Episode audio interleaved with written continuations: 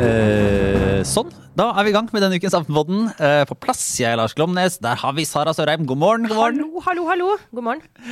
Og Trine Eilertsen. God morgen. Kjempeslag. Ja. Kjempeslag i dag. Ja. Er det med deg, Kjetil Alstheim? Jo da, slett ikke verst. Ja. Det er bare å skru på nå, altså. Det Her, eh, ja.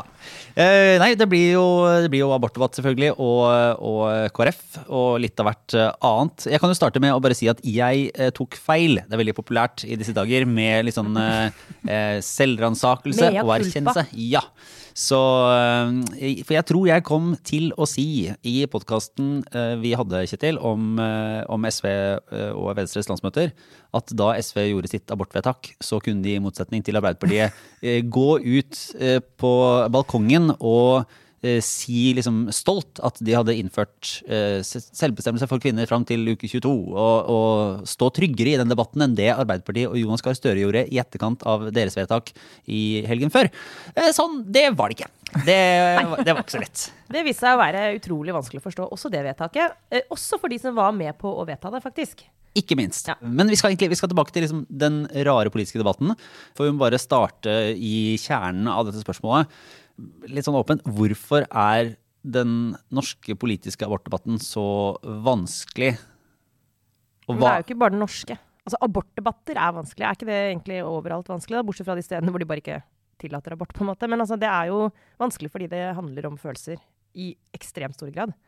Og Så er det, to, det er to veldig viktige prinsipper som står mot hverandre. Det er kvinners eh, mulighet til å bestemme over sin egen kropp, og så er det menneskeverd. Og verdien av et liv, og når et eh, foster blir et liv. Og så har man da i Norge funnet en enighet. Så det er helt riktig å si egentlig at eh, abortdebatten i Norge har jo vært enklere enn veldig mange andre land. Fordi Ja, man nettopp- til nå, ja. Til nå, fordi man har uh, falt ned på et prinsipp som uh, gir på en måte eh, selvbestemmelse, og så går det gradvis over i eh, rettsvern, eller fullstendig rettsvern for fosteret og barnet, da. Sånn at, Man skal ikke under, øh, undervurdere det at det var veldig vanskelig frem til man fikk den loven på plass i 1978. Det var jo en, en lang og hard kamp for å få kvinners uh, rett til selvbestemmelse frem til uke tolv. Uh, så det kom jo det, det, for oss det- som er født i 1979, så kan vi si sånn Det har vært en utrolig enkel, enkel abortdebatt i dette landet. Men ja, det var, og det definerte jo en hel generasjon eh, kvinner og feminister og aktivister, eh, den tror abortdebatten. veldig mange kvinner som er eldre enn meg, jeg var jo ti år på den tiden der, men som er eldre enn meg, regner nok det som det viktigste kvinnepolitiske gjennomslaget i sin levetid. og derfor så, så ses jo vedtakene i, i Arbeiderpartiet og SV ses jo eh, der som en, en måte, fortsettelse av en frihetskamp, eller altså en, en naturlig selvbestemmelse over egen kropp og egen situasjon. Eh, der det fram til nå har vært en nemnd, altså man kommer, eh, har en samfunnet på en måte tar en rolle i å gi en eh, aksept eller eventuelt eh, sette ned foten for ønsket om å avslutte svangerskap eh, i utgangspunktet nå, fra uke 12. Og så med en ny terskel ved uke 18, og så er det stopp ved det som nå er uke 22. Altså det du nesten kan eh, spørre om er hvorfor har denne loven fått være i fred så lenge? Eh, Fordi at det kompromisset som kom i 1978, de brukte jo et par år på å lande der de landet. Eh, Men det som kom da med uke 12, at du skal ha den selvbestemmelsen, at den skulle være helt total frem til uke 12, eh, og så skulle du ha kriterier og nemnd etter det. Det har jo stått i over 40 år. Eh, I en periode der eh, teknologi og bioteknologi har utviklet seg, muligheten til å finne ut eh, ting om foster har utviklet seg, muligheter til å liksom på en måte finne ut hvor langt har fosteret utviklet seg i løpet av uke 13, 14, 15, 16, 17, 18 har utviklet seg, men likevel så har loven stått fast. Og det er jo fordi at det er et kompromiss, ganske sånn velbalansert, har mange opplevd kompromiss hvor du får denne veldig tydelige selvbestemmelsen, men så tar du også hensyn til at fosteret utvikler menneskeverd gjennom svangerskapet. Altså selv det, jo, det kan jo være kontroversielt for noen, men du sier at menneskeverdet utvikler seg, verdien av det eh, vesenet utvikler seg gjennom eh, svangerskapet, så når du kommer til uke 22, da er endelig grense satt. Etter det så kan du ikke abortere fosteret. Før det så kan du gjøre det, gitt noen kriterier. Og bare for å skyte inn det, det er jo en, et politisk kompromiss. Det er jo beviselig godt håndverk, siden den loven har vart så lenge og vært såpass ukontroversiell. Og så dette er bare min personlige tolkning, men jeg tror den også har hatt legitimitet fordi den også går litt i takt med den mer emosjonelle biten av, av et svangerskap og en graviditet. Uh, det er ikke til å stikke under en stol at alle oss som har båret fram et barn, vet veldig forskjell på disse ukene fordi man rett og slett merker forskjellen på sin egen kropp. Um, så rent sånn intuitivt eller emosjonelt eller på den, på den skalaen, så gir det veldig mening at fram til uke tolv, ok, det er én fase. Uh, og at etter uke 22 så er det veldig mange som kjenner spark og liv. og da, annen, da, får man en annen relasjon til det ufødte barnet. Og Dette er ikke sånne argumenter som man kan legge fram tørt og saklig i en debatt, men jeg tror det også Trine, spiller inn. fordi de tersklene som er i loven i dag, de, de på en måte gir mening også rent sånn fysisk i forhold til hvilke følelser du har for det fosteret som uh, kom, blivende mor. Det er også et særs viktig poeng i denne debatten, fordi det nettopp handler om også følelser. Men er det ikke litt sånn at én uh, ting er jo på en måte, hensynet til debatten og til følelsen og allting. Hvis man ser sånn på uh, helt konkret, så er det jo ikke sånn at, at uh, de som nå vil utvide den grensa, i utgangspunktet ønsker flere aborter. Og det er ikke så veldig mye som tyder på at det ville utføres veldig mange flere aborter. Så det er jo på en måte et system som er satt opp mot et nytt system, da, der utfallet egentlig vil være det samme. Argumentasjonsrekka her både i, i Arbeiderpartiet og SV er jo basert på egentlig ikke eh, Altså det med aborttall er ikke engang et tema. på en måte. Det det. Dette handler, handler om eh, kvinnens selvbestemmelse og de prinsippene som ligger til grunn for det. Det er jo det som er kjernen. Det er det som gjør at de har flyttet, at disse nye, altså at de ønsker å utfordre dagens lov. Det er jo eh, egentlig, tror jeg alle er liksom sånn mer eller mindre enige om at det er nok ikke abortlovgivningen som er det utslagsgivende for eh, de valgene kvinner tar. Og de aller fleste vil jo etter all sannsynlighet fortsatt prøve å ta abort så tidlig som mulig. Men Så her har på en måte den der diskusjonen om kvinnenes selvbestemmelse blitt viktigere for partiene, egentlig, i praktisk sett. da, enn uh, selve sånn Syns vi det er bra at folk tar abort, på en måte? Det har liksom ikke vært et tema på samme måte, da. Nei, og det er, det er jo litt uh, greit å ta med seg de uh, endringene som ble vedtatt i bioteknologiloven for et år siden. Det, som, det er bl.a. Uh, man skal ha, tilby tidlig ultralyd til de som vil ha det. Og også tilby denne NIPT-testen, som begge deler gir mer informasjon til kvinnen på et tidligere tidspunkt og som vil bidra til at du får altså Allerede er det jo sånn at de aller aller fleste aborter tas før uke ni. Og, og det er veldig få aborter etter uke 12, og enda færre etter uke 18. Og de endringene som ble gjort i fjor, vil jo bidra til å flytte, vil jeg tro, oss enda flere av de, de få senabortene til et tidligere tidspunkt. Mm. Sånn at Uh, ut, fra, ut, fra, tallene, hvordan aborter, uh, når aborter utføres i dag, og ut fra det som ble vedtatt i Stortinget i fjor, så er jo, er jo ikke uh, Det er jo veldig få, etter, et, få aborter vi snakker om. Og det, Aborttallet går ned, og de aller fleste tas veldig tidlig.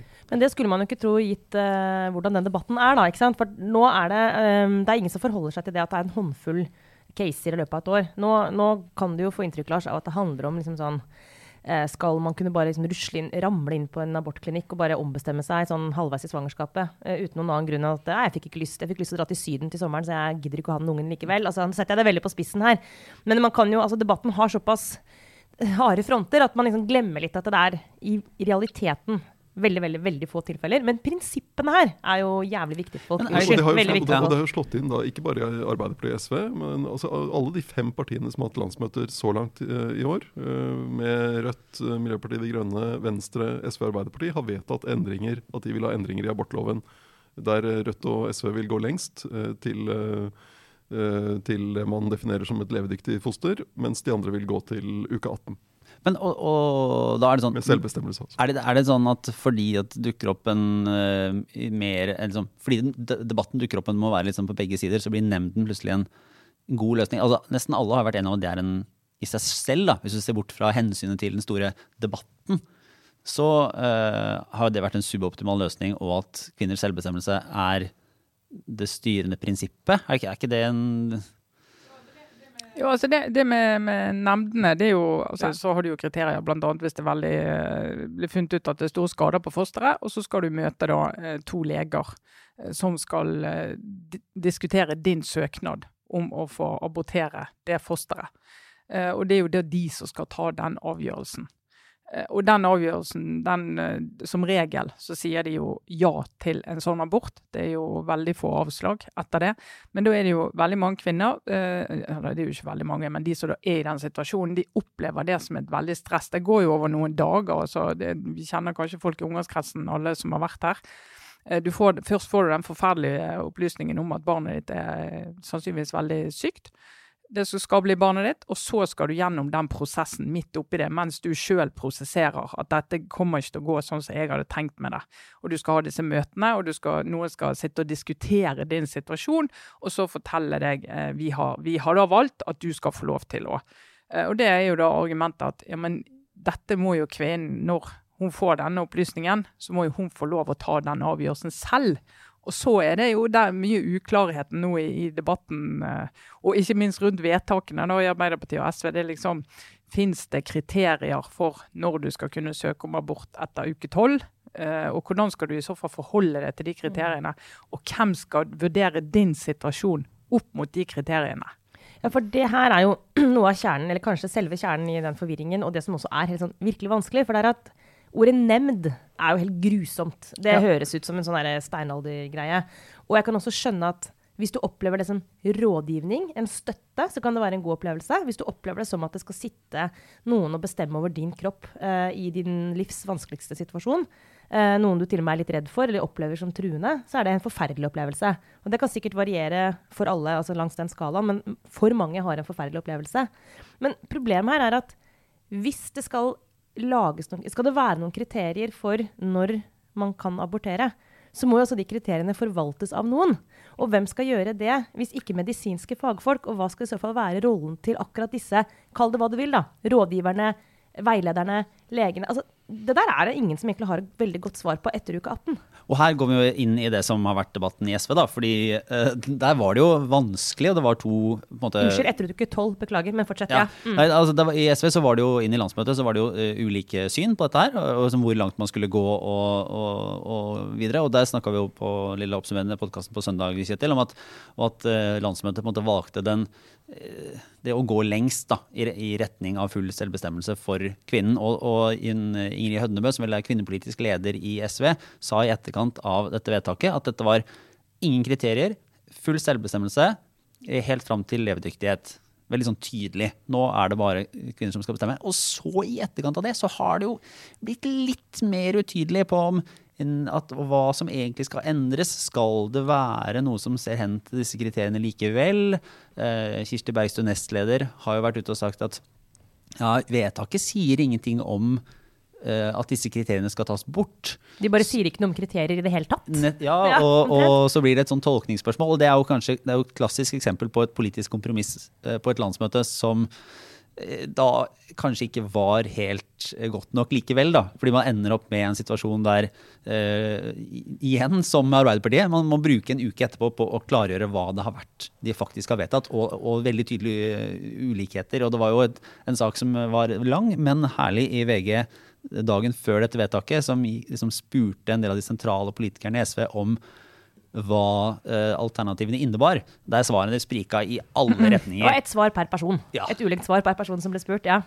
Og man hadde jo håpa, og SV hadde helt sikkert håpa, at de hadde snakka seg fullstendig sammen i løpet av den, løpet av den kompromisset, men man har kanskje ikke endt opp uh, helt samsnakka likevel. Nei. Men jeg tror, jeg tror uh, noe av det denne debatten preges av, er jo hva bildet har folk i hodet av kvinnene i denne situasjonen når de går inn i den debatten. Eh, og noen, og jeg håper virkelig det er få, eh, har kanskje et bilde av kvinner som kommer da til uke 20 og sier nei, jeg hadde lyst på barn for noen måneder siden, men nå har jeg ikke det lenger. Så nå, nå får det bare være. Og, og, altså I prinsippet, hvis du har full selvbestemmelse, så er det eh, mulig å gjøre. Eh, mens en god del andre, og det tenker jeg nok eh, langt inn i SV og i eh, Arbeiderpartiet, både med tanke på uke 18 og 22, så tenker jeg at dette er jo uansett kvinner i en ganske desperat situasjon. Eh, enten pga. fosteret eller pga. kvinnens egen livssituasjon, som du må gjøre denne prosessen da, så enkelt som mulig for de. Hvordan kan du gjøre det?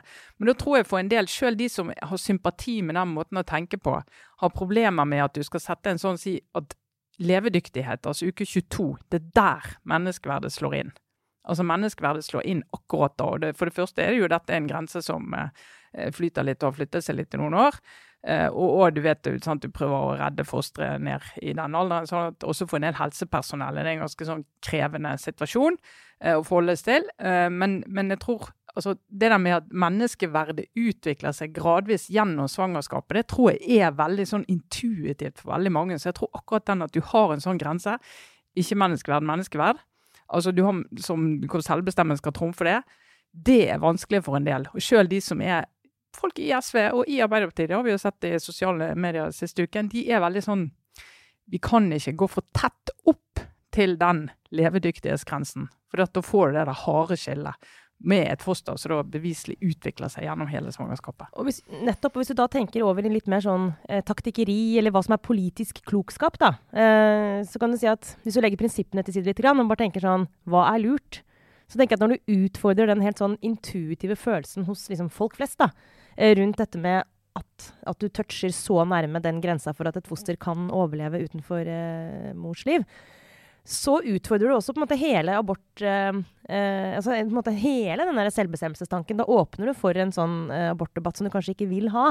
Eh, så det er jo det jeg kanskje sitter igjen med som en sånn Uh, personlig mening, da, at jeg syns det er et kjempevanskelig spørsmål. Men jeg baler jo sjøl med nettopp den konflikten mellom den helt åpenbare retten til selvbestemmelse over egen kropp og fosterets livsvern, eller rettsvern.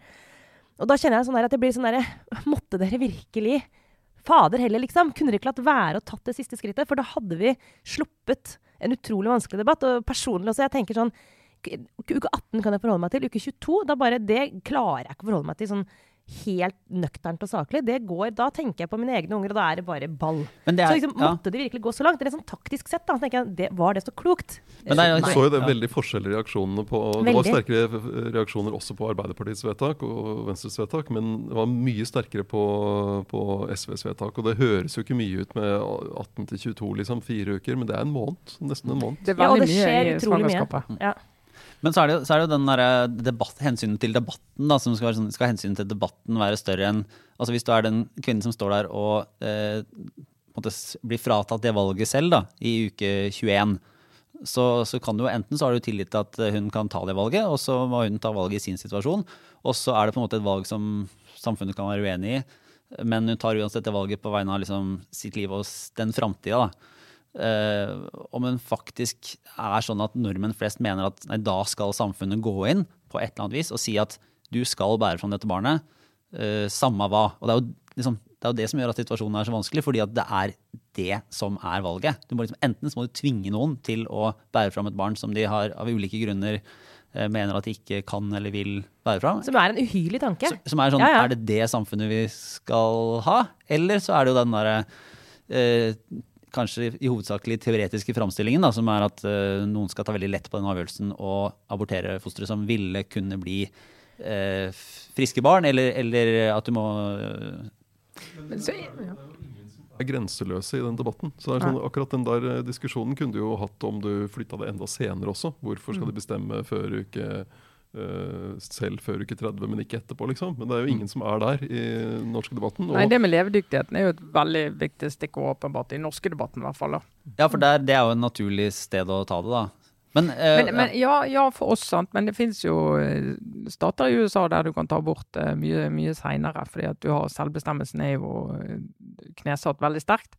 men jeg tror jo, altså for, eh, for eh, en del kvinner Det fins jo kvinner som bare ikke får med seg at de er gravid før uke tolv. Og så blir det litt sånn Herregud, nå må jeg Ja ja, sånn ble Altså, sånt skjer jo faktisk. Sånn at den der eh, totale selvbestemmelsen den, den, får du jo ikke. Altså Den gjelder før i dag, før uke 12. Så kan du diskutere om den skal bort til uke 18. Men det der at du kan komme i en situasjon der du loven sier at ja, vet du, dette barnet er du Tida har gått for, som, ja, den, for lang tid. Det må du faktisk ja. bære frem. Uh, for hvis ikke vi har den inngjerdingen, så får vi et lovverk som ikke har legitimitet ute hos folk. Og det er jo mange lover det som ikke har, som har legitimitet ute hos mange, selv om den enkelte vil oppleve at dette er dypt urimelig for akkurat meg. Uh, og det er jo en bakside med mange lover, det. Så er det viktig å huske på, da, og det, da vi skal kanskje over til KrF etter hvert, Lars, at det, det scenarioet du dro akkurat opp nå, som er ytterpunktene i denne debatten, det er et rent hypotetisk scenario. Altså, det er ikke virkeligheten. Uh, uansett hvilken ende du tilhører av de ekstreme ytterpunktene her. Så det er ingen kvinner som ramler tilfeldigvis inn på en abortklinikk i uke 21 og plutselig liksom bare Nei, jeg vil ikke ha den ungen likevel. Det skjer ikke. Uh, og det er heller ikke sånn at kvinner blir tvunget til å bære frem barn som ikke er levedyktige, f.eks. i Norge. Uh, og stort sett så er disse nemndene da, de er, det er veldig veldig sjelden at de, at de ikke følger kvinnens ønske.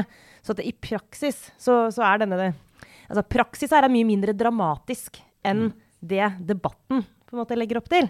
Eh, som er viktig å huske på. Og det, det også irriterer meg når En ting er hva folk føler og tenker, og privatpersoner, men ansvarlige politikere som fisker i det der emosjonelle farvannet, eh, og med vilje fremstiller eh, motstanderen sin som mer ekstrem, enten mørkemann eller sånn fullstendig liksom, Gi fullstendig F i, i det ufødte barn. Det er dumt i alle saker, men særlig i den saken her. Så jeg må si at når jeg ser sånn lokale KrF-politikere med sånn varm, kjærlig hånd på magen i uke 22, som er litt sånn Vi hadde gitt barnet vårt navn, vi her, og jeg kunne kjenne på sparken og sånn. Det er et hån mot kvinner i en livskrise, som er i den grusomme situasjonen at de må avbryte et svangerskap det, i det tidspunktet der. Det, det kjenner jeg sånn Det gjør meg så inderlig forbanna. Da kan vi jo gå i gang med KrF, som har tima sitt landsmøte absolutt perfekt ja. opp mot uh, eh, SV sitt. Og uh, det, det, liksom, det, som, uh, det, som, kunne blitt en ganske så kjedelig affære, og for all del fortsatt for de fleste kan bli det. fullt mulig, faktisk. nei, nei, men fordi det er, jo, det er jo litt sånn som vi egentlig snakka om med Venstre sist helg, at KrF går inn i dette landsmøtet i relativt politisk harmoni, men på en måte med, uten velgere. Ja, ja, de ligger jo helt nede for telling, sånn oppslutningsfaglig. Ja. Det er litt sånn som i journalistikken, den klassiske 'har tittel, mangler sak'. Ja. Så mange har opplevd sånn, har parti, mangler velgere. Mangler, ja. ja. Og, øh, for det har virkelig ikke sett bra ut. Og de går, det, de, men de vil jo kunne se det som, som, positivt, at de går inn uten noen spesielt store sånne konfliktsaker. Uh, men det vil jo også bety at uh, dersom, ja, dersom, dette ikke hadde vært, dersom denne abortstriden ikke hadde kommet rekende, da, så tror jeg at det hadde blitt forbigått i stillhet av veldig veldig mange.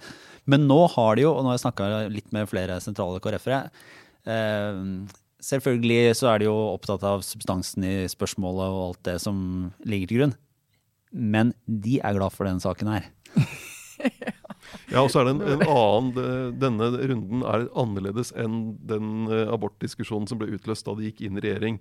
For da var det et, et spørsmål om paragraf 2c, om det om fosterreduksjon som mobiliserte voldsomt uh, av forsvarerne for, uh, av abortloven.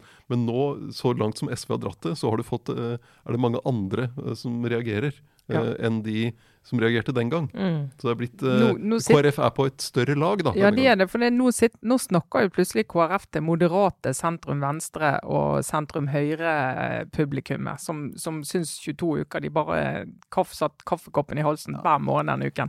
Var... Plutselig lurer de på hva som foregår i en sak som er hjertesak hos KrF. Ja, for det var det fascinerende. Hver ene snakket med en som sa at han har vært, holdt på med KrF var det i 25 år, og hadde aldri hatt en abortstrid der de var i på en måte i medvind. Det har alltid vært på, det har alltid vært på feil banehalvdel. Det har alltid vært spørsmål om KrF som vil, uh, vil liksom begrense noe, eller at KrF eventuelt vil rokke ved noe som har vært status quo og som folk har vært enige om. Her er det plutselig en sånn uh, spørsmål om uh, har det ikke gått litt for langt andre veien? Mm. Hvem er det da som står tydeligst du har en, en et, et, punkt som, som, er en motvekt. Så, så, der var det jo litt sånn strategisk inn i et landsmøte der det var lite entusiasme og kanskje fellesskap, og man hadde ikke noe sånn veldig tydelig prosjekt inn i neste periode, så har man nå fått en sak der eh, KrF-tillitsvalgte landet over kan gi seg selv en sånn eksistensberettigelse da, som er mer konkret og tydelig enn det det har vært eh, på noen år. Men det er, jo, det er jo en krevende, krevende, øvelse for KrF også, det der. Sant? Fordi det er jo mange som veldig mange som er skeptiske til uke 22, men som får helt eh, eksem når du begynner å, med retorikk som går i retning av å stemple kvinner som må ta det valget, eller begynner å snakke om at eh, dette ender retning i sorteringssamfunnet, og at du liksom legger en bør på en del kvinner som mange av oss har stor sympati med, og, og som vi opplever at de ikke fortjener. det. Altså liksom Måten og den retorikken som kommer frem, særlig fra sentrale folk i partiet, er jo helt avgjørende. Og Vi skal jo, skal jo huske på KrF, hvis du sammenligner med søsterpartier i andre land, så har jo det norske kristelige folkepartiet, altså det kristendemokratiske partiet på Stortinget hos oss, har jo flyttet seg enormt langt i abortsakene. De har jo på en måte akseptert dagens abortlov der den ligger, selv om jeg vil tro 99,9 av det partiet mener at livet starter ved unnfangelse og har menneskeverd fra unnfangelse. Så for de så er det genuint vanskelig å akseptere at du skal avbryte det livet. Men de har likevel sagt at ok, den norske abortloven sånn som den er i dag, den skal ikke vi uh, utfordre, med unntak selvfølgelig av 2C og de det gjorde for et par år siden, men sånn hovedprinsippet med selvbestemmelse. Uh, men vi skal sørge for at du ikke bruker ny teknologi og bioteknologi til å begynne å plukke fostre eh, som skal få leve, og som eh, må dø. Ja, De vil nok ikke ha en sånn der, hva heter han, eh, Børre Knutsen og Ludvig Nessa som løper ut på, med sånne blodige dokker og tar helt Det er ikke den ja, debatten de vil ha. Det tror jeg en del av våre unge lyttere jeg tror ikke helt klarer å se for seg hvordan det var på 80-tallet i Norge. Det husker jeg faktisk veldig tydelig når de gikk rundt. Gikk inn på eh, kvinneklinikkene på sykehuset med blodige små dukker opp til kvinner som skulle inn der du tok abort, og sa 'se hva du gjør' kan du tenke deg. Det er så sprøtt. Jeg husker fra barndommen min sånne bilder på Dagsrevyen av sånn mann i svart sånn prestekjortel og det er ungene med ketchup, dokkene med ketsjup på, som bare Helt bisarro. Takk Gud for at vi har kommet forbi det punktet der. Selv om det mange andre kvinner altså i andre, mange andre land er jo det fortsatt en sånn måte å markere seg på. Men jeg tror akkurat det at vi er ferdig med det, er jo noe av det som en god del norske politikere, selv om de har tenkt og diskutert, og det har vært forslag i partiene at liksom, og ønsker om at ja, men vi må ta det til uke 18, vi må gjøre endringer, så har jeg tenkt ja, men du bare la det ligge. Vi, vi, vil ikke ha det der igjen. Sant? Men det har blitt erstatta av noe annet. Som jeg er jo en av de som får det får jeg, som jeg får en veldig sterk emosjonell reaksjon på, som jeg ikke helt klarer å forstå hvorfor engang. Men den der eh, litt mer sånn militante eller aktivistiske eller ekstreme greia er blitt erstattet av en sånn ufattelig ekstremistisk mildhet. og jeg veit ikke helt om jeg egentlig heller da hadde foretrukket litt sånn gale abortmotstandere. For det, den der sånn Eh, den derre varmen, altså måten KrF-ere snakker om menneskeverd på, f.eks. Som gjør at jeg tenker sånn De sier jo bare snille ting. Hvorfor blir jeg så forbanna av å høre på dette her? Men når, når Ropstad snakker om uh, at arbeidslinja skal erstattes med familielinja, og snakker liksom at kanskje kan komme dit i et samfunn hvor liksom barna slipper å være på skolen like lenge som en arbeidsdag, hvor foreldre slipper å sende ettåringen i barnehagen Eh, så fremstår det som en sånn vi er parti som ønsker å omfavne de stakkars små, og gjøre familien i stand til å ha det hyggelig sammen. Og da, altså Min reaksjon på det er at jeg blir først forbanna, og så sniker det seg inn en sånn herre eh, ekkel dårlig samvittighet. Jeg tenker på mine, jeg, liksom, Alle de gangene jeg har sagt sånn Det er bra for barna å være i barnehage. De har det bedre i barnehagen enn de har det hjemme foran skjermen. Uh, hel, liksom, forsvart heldagsbarnehage til jeg liksom blir blå i trynet. Men så tenker jeg sånn, er det bare fordi jeg har dødsdårlig samvittighet fordi jeg tenker at det egentlig har KrF rett? Altså, det provoserer frem så mange sånne da, da, kan du søke trøst i nasjonaløkonomien, Sara. Ja, gi fordi, meg trøst, Kjetil. Ja, Kom med det. Altså, hvis du skal erstatte arbeidslinjen med familielinjen, så vil KrF slite med å finansiere alt de skal bruke av penger på mer til familier og mer til eldre og Jo, jo, og, men det er greit. Men har de egentlig rett? Altså, det, har vi lurt oss selv? Er det egentlig denne liksom, altså, Er det sånn at unger hadde hatt det bedre i KrF-verden, liksom? Det, det, Nei. Takk, Kom, okay, ta, bare ta Nei, det altså, først. Det, det, er jo faktaboks. Det er jo Nei. Det, men noen familier er forskjellige. Noen familier de mener kanskje at deres rigg vil ha det bedre hvis de kan uh, sjonglere litt på dessertstørrelsene. Men å snakke om familier i stort, det er akkurat som min fobi mot å snakke om vi. Mm -hmm. går ikke an. Det går ikke an å si at familier trenger dette. Det, det er jo hele poenget KrF. er jo Familier er forskjellige. Du kan ikke si at det de trenger, er å få slippe å gjøre sånn og sånn med barna sine. Ja, men Det er jo der Ropstad avslører seg selv. Fordi de har argumentert for kontantstøtten med at familiene skal jo bare få valgfrihet. Mm. Men retorikken hans sier at det riktige valget er å bli hjemme. Nettopp. Og det er irriterende, for han sier det ikke rett ut. Det, er bedre å sagt, det hadde vært bedre å si sånn uh, Hva heter det? Kyrkje, Kinder uh, Hjelp meg nå. Kyrkje, kirke og Kinder. Ja, altså, altså kjøkken, kirke og barn. Ja. Plassen din er ved kjøkkenbenken kvinne. Det er nesten foretrukket. Det er bare si det, da, hvis du mener det. Mener du at jeg burde vært hjemme istedenfor å gå på jobben? Men, men eh, for, for bare, det er jo noen politiske forslag. Det er ikke, det er ikke vi, vi må ta med én linje fra Ropstads tale. Ja. Vi må gjøre det. Ja. Han sa i talen sin Stryker du perf i perfekte, da får du KrF på sitt beste, nemlig ekte. Ja, dette er faktisk ikke lov å si. Men dette må jo, jeg må jo tenke i 11-12 sekunder før jeg Ja, det, er sånn, det, det, det renner ikke av tunga. hvorfor skal du ta Hvis du stryker perf i perfekte, så får du KrF på sitt beste, Men nemlig kom, ekte. Da kommer en som skal sitere han til å si hvis du stryker ekte fra perfekte, da får du perf. Og så sitter alle og tenker Og hva ja, skal du med det? ja, det gjør du. Hvis du fjerner eh, H og eh, løs fra håpløs, så får du håp. Og hvis du, hvis du, fjerner, hvis du, fjerner, hvis du fjerner folket fra Kristelig Folkeparti, så, så er det et parti under sperregrensen. Men, eh, fordi, det, men det er jo et par eh, initiativ da, som, eh, som, eh, som KrF har. Og, og det var jo ikke sånn at KrF gikk inn i denne landsmøtesesongen og i denne valgkampen med tanke om at vi skal ha en abortdebatt. Det, det har jo egentlig vært en sak som de har eh, bare latt ligge og være der. Sånn at de som, de som mener det samme som KrF, kan vite at KrF er på en måte restriktiv i abortpolitikken og stemmer på det, mens, mens ikke noe man går ut og lager til en konfliktsak. Nå har de fått den rekene, men det de egentlig hadde tenkt kanskje, og, og, og spilt opp, er jo en sånn familie- og eh, si, omsorgspolitikk. Kampen mot tidsklemmer. ja, ikke sant? Og der har jo noen partier, i Europa særlig, eh, klart å, å få seg en profil og, og liksom vinne velgere på det å være eh, ja, på, på familienes side i møte med et liksom, hardt arbeidsliv og moderne tidsklemme og alt de greiene der.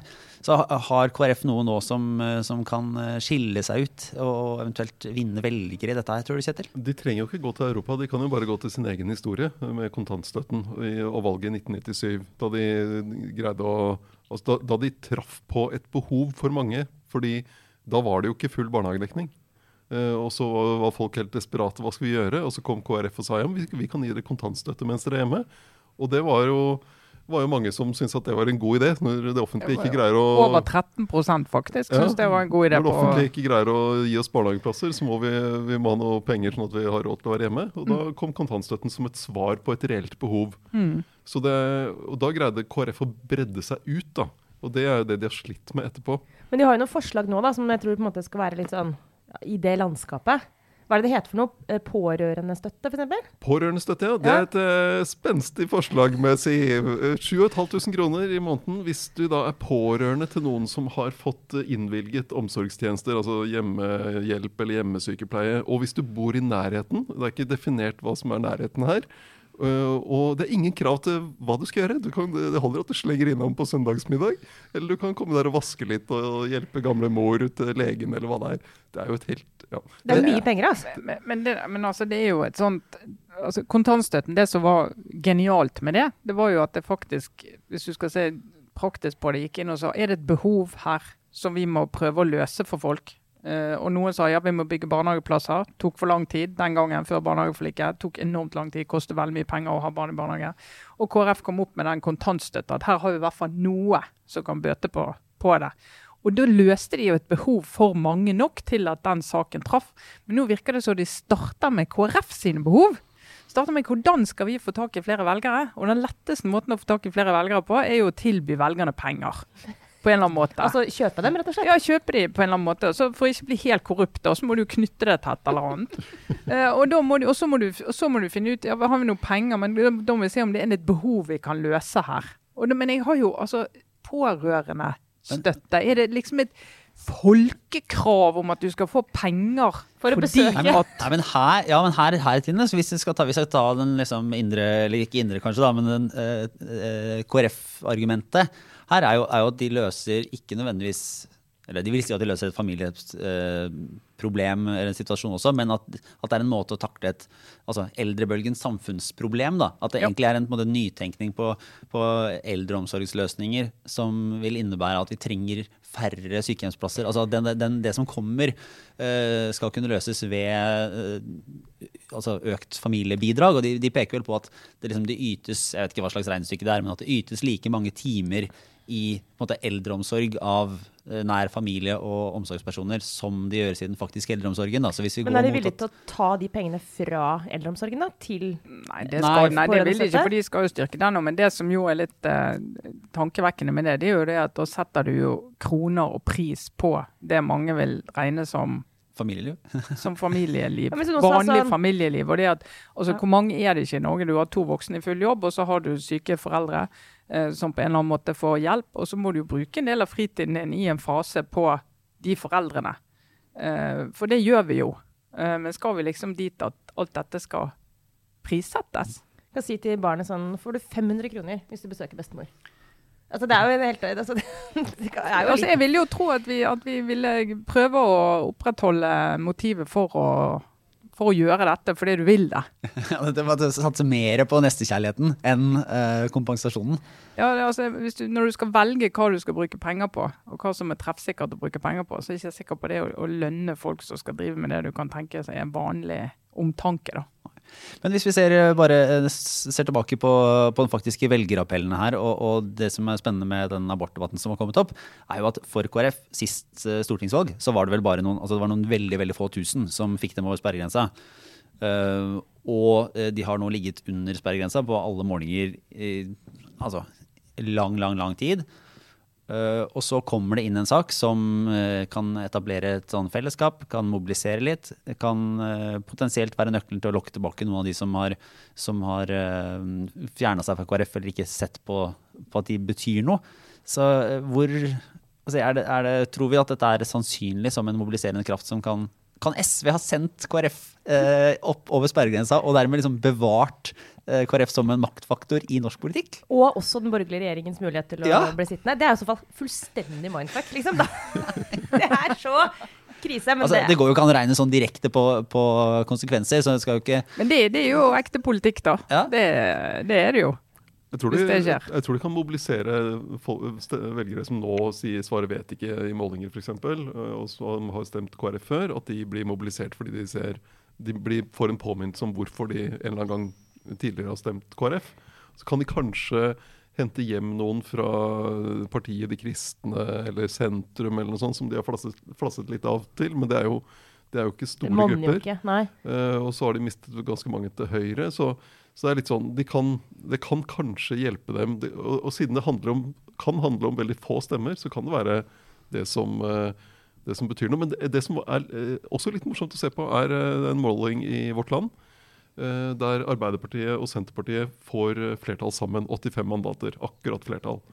Eh, det, det er jo en enkeltmåling. Men, men du kan teoretisk sett da, si at de fikk 84 f.eks. på den målingen. Så hadde, ikke, så hadde KrF likevel kunnet kommet i en maktposisjon, selv om partiet er under sperregrensen på den målingen, fordi de er inne med tre mandater. Så hvis de hadde kan gått til venstre Og, ja, og de kan da, danne flertall i en del saker, kanskje om budsjett, med en Arbeiderparti-Senterparti-regjering, Mm. som Trygve Slagsvold Vedum ønsker seg. Mm. Tenk hvis de ramler altså Da får du sånn der hell i uhell. Har Sett på som en sånn evig nedadgående bakke nå i, i tiår. Og så ramler de inn først, så blir det sånn vippeparti i Stortinget nå sist, det, som i hvert fall ga dem mye innflytelse. Kommet inn i regjering. Så kan de risikere å eh, At regjeringa taper, men de vinner. kan likevel være en sånn eh, en påvirkende kraft. Og Men at Ropstad, som da sto for å ta parti til altså For nettopp da ikke skulle gå inn i et samarbeid med altså som var på blå side, som ikke skulle gå til venstre, ender opp med da faktisk i teorien kunne danne regjering med nettopp de partiene som han ble partileder fordi han ikke ville i regjering med. Med en, med en ganske viktig forskjell. fordi det Knut Arild Hareide ville da han ville over til rød side Han snakket om Arbeiderpartiet og Senterpartiet, men han var også avhengig av SV hvis Ja. det skulle bli et flertall. Nettopp. Men, Og det mens- var jo et viktig argument mot for en del i KrF. ja, Og det er ikke blitt mindre nå. Nei, det er ikke blitt mindre nå, men det hadde, jo, det hadde jo vært ironisk hvis da Ropstad skulle sitte i en sånn forhandling og si ja, det skal jeg gå inn hvis dere ikke rører abortloven. Men inn i regjering går det ikke. Men som samarbeidsparti på Stortinget i enkeltsaker eller budsjett, det tror jeg absolutt er mulig. Det hørte vi også Ropstad på, på nyhetene snakke om at ja, de vil prøve å få gjennomslag for sin politikk. Men så er det litt vanskelig for Ropstad, for han kan ikke si sånn rett ut at hvis dere stemmer på oss, så vi kommer over sperregrensa, så kan vi danne et flertall som holder SV utafor. Det kunne han jo på en måte i teorien sagt. Altså sånn spill på den. Ok, hvis eh, taktiske velgere kan skaffe seg en sentrum-arbeiderparti-regjering eh, hvis dere stemmer på oss, men han må jo eh, gå inn for å fortsette på Og det er helt sikkert det han helst vil, med å sitte på med dagens regjering. Ja, han må jo gå til valg på det, men han kan jo også si at uh, det, oss, vi er garantisten for at abortloven, uh, grensen for selvbestemmelse, ikke endrer seg. For det kommer vi til å ha som ultimatum uansett Men vi kommer ikke til å ha den posisjonen hvis vi ikke er sterke nok på Stortinget. kan man si. Og da blir det jo det er et frampeik til eh, når er det landsmøtet. Altså Senterpartiets uh, posisjon Juli. her Mm. blir jo faktisk veldig veldig interessant. Da, fordi i, hvis, altså, de kan jo bli en spiller her. Og de kan jo også være den, det partiet på venstresiden som er mest restriktive fort vekk i abortdiskusjonen. Så de kan også stjele velgere på det, som ellers kanskje ville gått til, nei, til SV eller Arbeiderpartiet, sant? men som har dette som en viktig sak. Hvis de lander der, men det er jo fortsatt litt i spill hva som egentlig blir eh, vedtaket i Senterpartiet også, er det ikke det? Jo, du har noen som vil eh, fjerne nemnd til uke 18 også der, men jeg tror nok det, det ligger an til et flertall mot å endre abortloven. Og så selv om Senterpartiet skulle komme da, i en forhandling, regjeringsforhandling med Arbeiderpartiet og SV om, der dette blir et tema, så vil abortloven være en sak der de ikke binder sin stortingsgruppe. Mm. Fordi det er et samvittighetsspørsmål. Sånn at, du, sånn at du kan ikke sitte, Senterpartiet kan ikke da sitte i en sånn forhandling og love at de vil bidra til et flertall, fordi eh, stortingsrepresentantene vil kunne stemme imot. Men det går vi inn i en runde med obligatorisk refleksjon. Eh, jeg lurer på om jeg kan begynne. Eh, for jeg har en, en anbefaling til en sak som, som var måte dramatisk, spennende, fullstendig tragisk, selvfølgelig, men, men også mystisk, som NRK skrev. Eh, om en, eh, mann i Finnmark som reiste på som kompistur. For de skulle ut på hytte på vidda, kjøre scooter og eh, drikke. Det var vel det som var målet. Det er det man gjør på guttetur, er det ikke det? Jo, jo, godt, godt, eh, men liksom godt voksne karer som, eh, som var ute og skulle ha det her. Og så ender det opp som et tragisk mysterium, fordi denne da liksom hovedpersonen i historia, altså den eh, heter Leffen, eh, ender opp i en scooterulykke eh, der de kjører, der en, scooter kjører ned en skiløper, men også denne Leffen da blir veldig alvorlig skada og, og får en, eh, en hjerneskade som den er prega av uh, sterkt invalidisert den dag i dag. Uh, denne skiløperen overlevde, men det blir da et stort sånn mysterium på hvem som faktisk kjørte, hvem som satt på. Og uh, det er jo da ingen av disse gutta husker noe, eller sier at de husker noe. Og det er jo et helt åpent spørsmål, så, så det kan de jo ha helt, eh, helt rett i. Og så har det vært, den var vurdert da for Høyesterett eh, for om man kunne avkorte erstatninga til han. Fikk egentlig tilkjent omtrent 10 millioner i erstatning, men ble vel korta av med 2,5 fordi at det utvilsomt var promille involvert.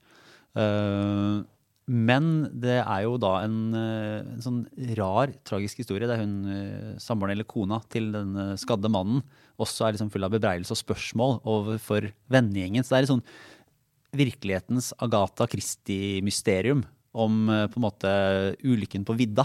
En sånn who done it-story, liksom? Altså, Ja. lukket, lukkede roms mysterium, Lukkede roms mysterium, ja. Og så er det jo ikke Det, det er jo det kan, det kan jo godt være at det på en måte ikke er noen som vet noe mer enn det de sier. Men det er jo da fullt av hele denne liksom vennegjengen, og alt er jo da sprukket opp da, fordi at det er noen som sitter og, og vet. Som det er på en måte andre eksempler som renner meg i hu nå, Ja, på ja. sånn hytteturmysterium. Men det er mer sånn Ja, hvem ja. sendte tekstmeldingen Uh, litt case. Mindre alvorlig, ja, tross alt. Ja. Ja, ja, så det er jo en slags, det er jo en slags parallell til uh, tidenes mest mystiske hyttetur, da, der, eh, der en rekke senterpartister var på, på tur og endte med å sende eh, en stygg, stygg melding til Liv Signe Navarsete. Men hvorfor har NRK gått inn i denne historien? Er den, Nei, altså, jeg tror det er fordi at, eh, fordi at eh, Høyesterett skulle ta, ta stilling til om, om uh, erstatninga skulle bli avkorta eller ikke. Og, og det har vært sånn strid mellom forsikringsselskapene. Men eh, det, var også, det var en veldig godt fortalt historie. så det er en anbefaling fra Det er en side? anbefaling om å lese denne saken, som jeg skal, skal lenke ved i nyhetsbrevet. Høres jo litt sånn journalistetisk ut som en eh, litt vanskelig sak å løse. Det vil jeg definitivt tro. Eh, For her er det jo et spørsmål om Man skaper jo et mysterium, en antagelse om at det på en måte er flere som sitter her med en form for skyld. Eh, Og det vet man jo ikke. Mm. Ja, nei, den Så det er et den, eh, journalistfaglig krevende. og etisk og litt sånn mystisk eh, sak som, var lø som jeg syns var løst på en, på en god måte, etter det jeg kunne vurdere. Hadde du også lest den, Trine? Ja, jeg leste den, eh, og det var, jeg satt og tenkte oi, oi, oi, her er det mye tilsvarsproblematikk og etikk. Og, men det er jo en veldig Ja, du sitter jo og lurer på hva skjedde, men det tror jeg aldri vi får svar på. Nei. I motsetning til eh, Senterpartiets hyttetur, som er et mysterium som kommer til å få en løsning. den, den har jeg, jeg har en sånn liste i hodet mitt over ting som jeg, jeg orker ikke tanken på at ikke skal bli oppklart i min levetid. Uh, og den lista, der er det den Hagen-forsvinningen. Uh, det er Orderud-saken. Det er litt Loch Ness, faktisk. Men det, det er litt mindfuck, så drit i det. Og så er det hytteturgate i Senterpartiet. Altså, jeg, jeg, orker ikke å tenke på at jeg aldri skal få vite det. Det er sånn Herregud, det må jo Og jeg, og jeg har sånne, nesten sånne dagdrømmer om hvordan den historien skal bli fortalt, når en av de liksom knekker en av de gutta fra Senterpartiet. Og liksom Er det en bok? Er det en podkast? Er det en uh, true crime på HBO? Uh, men altså, den historien, den den må fortelles. Eventuelt skriv det ned, putt det i en sånn boks og grav det ned i skogen til du er død. Et eller annet sånn. Bare Det er en sånn klausulert uh, Ja. historie som kommer, ja, som kommer 20 år etter uh, min død. Riksarkivet låser opp Ja. boksen. Så, Nettopp. ja. det, det, det, altså, det, Jeg vet ikke om dere andre er plaget med sånne tanker, men det er sånn som virkelig kan Nei, komme nei, jeg vil ikke si det plager meg. Det vil jeg ikke si. Ikke i det daglige. Men, Ikke Orderud engang. Det tenker jeg på i hvert fall en gang i måneden. Gjør du det? Å, herregud, ja ja. Tenker på det. For, men, men det som er forstyrrende, er jo at du vet at noen vet. Ja, altså, Det er forstyrrende. Mm. Eh, kan jeg. kanskje jeg kan komme med en appell, bare sånn til de del, ja. fire. Alle de kan ringe deg. Ja, nå er det tre igjen, da. Uh, de tre der. Eh, familien. Men Hvis dere er- gidder å fortelle hva som egentlig skjedde, så setter jeg veldig stor pris på det. Men her er et uh, Hvis du kunne få vite det, men ikke, hadde du klart å ikke fortelle det videre? Å gud, å gud. Å gud. ok, hvis jeg måtte få vite Altså, uh, Per Orderud ringer meg og sier jeg kan fortelle hva som skjedde, men du må love ikke si det til noen. Nei, det må jeg tenke på. Å. Du hadde implodert, vet du. Det hadde vært, det hadde, jeg hadde blitt psykisk syk. Ja, da hadde gnagd Jeg tror ikke vi hadde kjent deg igjen, Sara, hvis du hadde Nei. gått med en sånn hemmelighet inni kroppen. Herregud, nei. Ja, ja. Men kanskje du kan egentlig fortsette med din eh, obligatoriske refleksjon? Ja, eh, ja, det kan jeg. Det, eh, har egentlig, egentlig delt mer enn jeg hadde tenkt å dele av min, mitt syke sinn. Men, du, jeg, men dette, denne OR-en her handler egentlig om også min mentale helse. For å fortsette i det sporet. Men det er en anbefaling. Um, det er en fyr som heter Henrik Vogt. Han er lege. og så er han tilknytta noe som heter Nå må jeg faktisk se på jukselappen min, for det er Senter for etisk medisin, er det det? Senter for medisinsk etikk. sånn var det i, i Oslo. Uh, som uh, er eh, også en aktiv samfunnsdebattant. Han har uh, skrevet også i Aftenposten en del om koronasituasjonen. Men han skriver også veldig mye på sin åpne Facebook-profil, hvor han går inn i tallmateriale og datagrunnlag og vurderer som lege, da, men også egentlig tenker ganske mye friere enn sånn typisk en medisinertankegang rundt f.eks. Altså, hvor farlig er det egentlig, dette viruset? Eh, diskuterer forholdsmessigheten i tiltakene, eh, f.eks. rundt skolestenging, og har det som mange andre mangler. da, ikke sant? For det, det er jo ikke eh, sånn at vi savner folk som har en mening, eller som til og med er sånn hobby. Nei, for det var det jeg egentlig skulle spørre om. Det har jo du tidligere vært skeptisk til. Det er akkurat det. Ikke bare skeptisk. Altså jeg får et fnatt av hvite menn i 40-50- og 60-årene som bare plutselig er helt sikre på liksom, eh, veldig mange ting som liksom, de beste forskerne i verden genuint ikke vet. Men nå har jeg jo funnet min mann, Henrik Vogt. Han er lege, han har peiling. Han er ikke sensasjonalistisk, men nøktern. Eh, Og skriver kloke ting basert på fakta. eh, Og er en sånn rolig stemme i et opprørt hav. Eh, og, eh, Av munnbindbrenning og Nei, så det var bare egentlig en anbefaling på at eh, han har jeg, fall, eh, han har jeg på en måte satt min lit til, og han har vært veldig sånn, eh, han har vært ganske god. For eksempel i dag da, så skriver han om India. Det er jo ingen tvil om at den situasjonen i det landet er helt forferdelig. Men han bare minner om også at hvis du ser på eh, hva ville det utgjøre, eh, altså de dødsfallene du ser i India nå, hvis du setter det i en svensk sammenheng f.eks., eh, hvis du ser på hvor mange mennesker som bor i India, hvor mange som dør hver dag, så er det ikke så kjempelangt unna det man hadde på det verste i Sverige eh, av antall dødsfall per dag. Og det er ikke ment for å snakke ned alvoret i India, men VG har et oppslag i dag som er sånn de bare dør og dør og dør og dør, omtrent. Tror jeg var tittelen på fronten Ja, til VG når jeg Mhm. våkna i dag. Ja, som er sånn forferdelig. Og, og liksom, det er en sak som tenker bare sånn Shit, liksom, hva er det som skjer nå?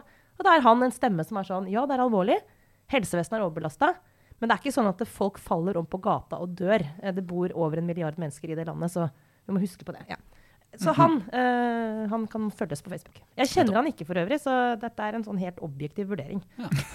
det er rart jeg ikke kjenner han egentlig, men Ja, det er en ja. annen historie. Ja. Men da, da, da, da drar vi det ned fra det, fra det veldig overordnede globale til det veldig personlige. For Jeg eh, reflekterer kun over én en eneste ting, og det er at jeg skal få vaksine i dag. Det er og er slett. på T-skjorte. I T-skjorte i dag. fordi at eh, Hvis jeg skal gjøre sånn som mange gjør, så går de ikke bare går de og tar vaksine, men de da lar seg avfotografere eller ta bilder av seg sjøl mens de gjør det. Jeg så, så noen som skrev Er det sånn at vaksinen virker hvis man ikke tar selfie? Ja, og så tenkte jeg det har ikke jeg bestemt meg for om jeg skal gjøre ennå, kommer helt an på. Jeg tror kanskje ikke. Men hvis jeg skal gjøre det, så skal jeg i hvert fall ikke komme der. Og så må jeg sitte i BH-en, og, eh, og så må jeg legge det ut på sosiale medier. For jeg har jo sett eh, en del på sosiale medier som jeg har tenkt, bare for å ta det veldig veldig nære og viktige her nå, vesentlige. Eh, Men jeg skal altså få min første dose i dag, andre dose i juni. Og så har jeg tenkt over ja, hva gjør dette med mitt liv? Hva, hva skjer nå? Er det liksom bare vår løsning? Ingenting. Men skal leve akkurat, akkurat som jeg har gjort hittil. For vi må, jo, vi må jo bli mange nok. Men nå er vi faktisk to voksne hjemme hos oss som er vaksinert, som eh, kan uh, sitte og snakke om det. Men det skjer noe mentalt. Nå kan dere slutte å ha to meters avstand.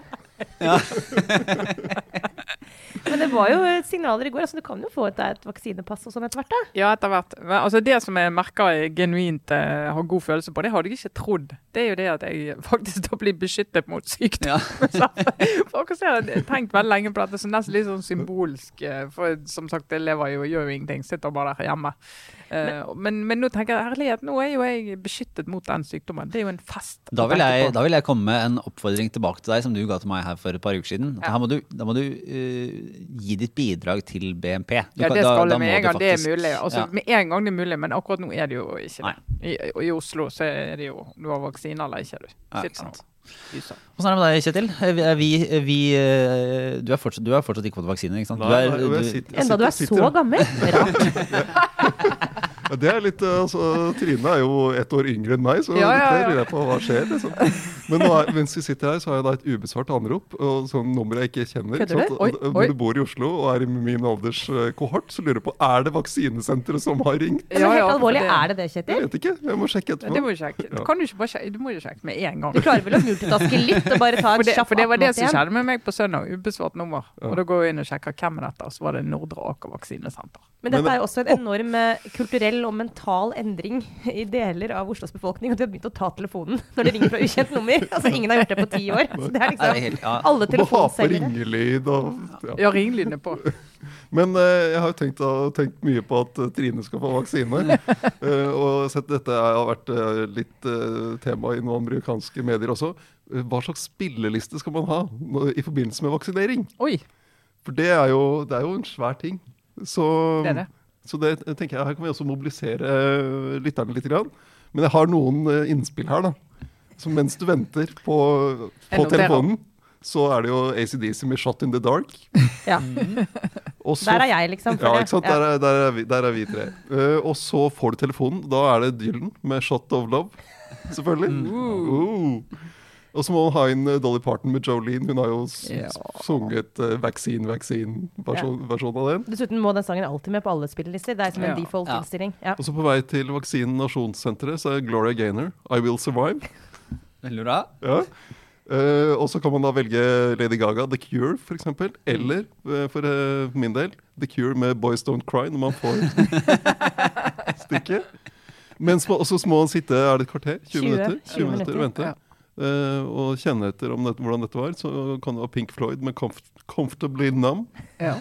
Det, det passer fint. Ja, det gjør det. Og så kommer du i den fasen der du venter på uh, Bivirkningene? shot 2. Nei. Ja. Du vil ha en dose to. Da Det- kan du gå til Dr. Feelgood. Det passer veldig godt. I så mange uker. Give me one more shot. Det blir mye Dr. Feelgood. Men, Ja. men. Og så til slutt, når du da kommer ut ferdig fullvaksinert, og så lurer du på ja, hva er det nå gjenåpning av samfunnet, så kan vi gå til norske Melodi Grand Prix, bidraget i 1988. Jahn Teigen, 'Kan vi tro på glasnost'? Da har vi Men det, det Vi har det klart. klart. Mangler De Lillos. Ja, men det mangler også en sang til det Trine var inne på, som er den derre Åh, vente på bivirkningene. Det er litt sku... Det er sånn, Du vet at det er ikke noe å klage over. Herregud, du har fått vaksine, liksom. Men det, Ja. det kjenner jeg at det er sånn som jeg, jeg er litt nevrotisk av meg, så det, er godt å, det vil jeg godt å vente på. Jeg skal vente på Jeg har sett at det kan skje, og jeg er alene med ungene, så jeg er litt opptatt av akkurat det der. Ja. Så her må du finne en sang med Bivirkningssang. Kjetil. Hvis lytterne kan hjelpe oss med en bivirkningssang, Bivirkningssang, så tar det. Men, men altså, vi må ha med De Lillos. Jeg vil ut og drikke meg full. Å, Ja, herregud. ja. Every day.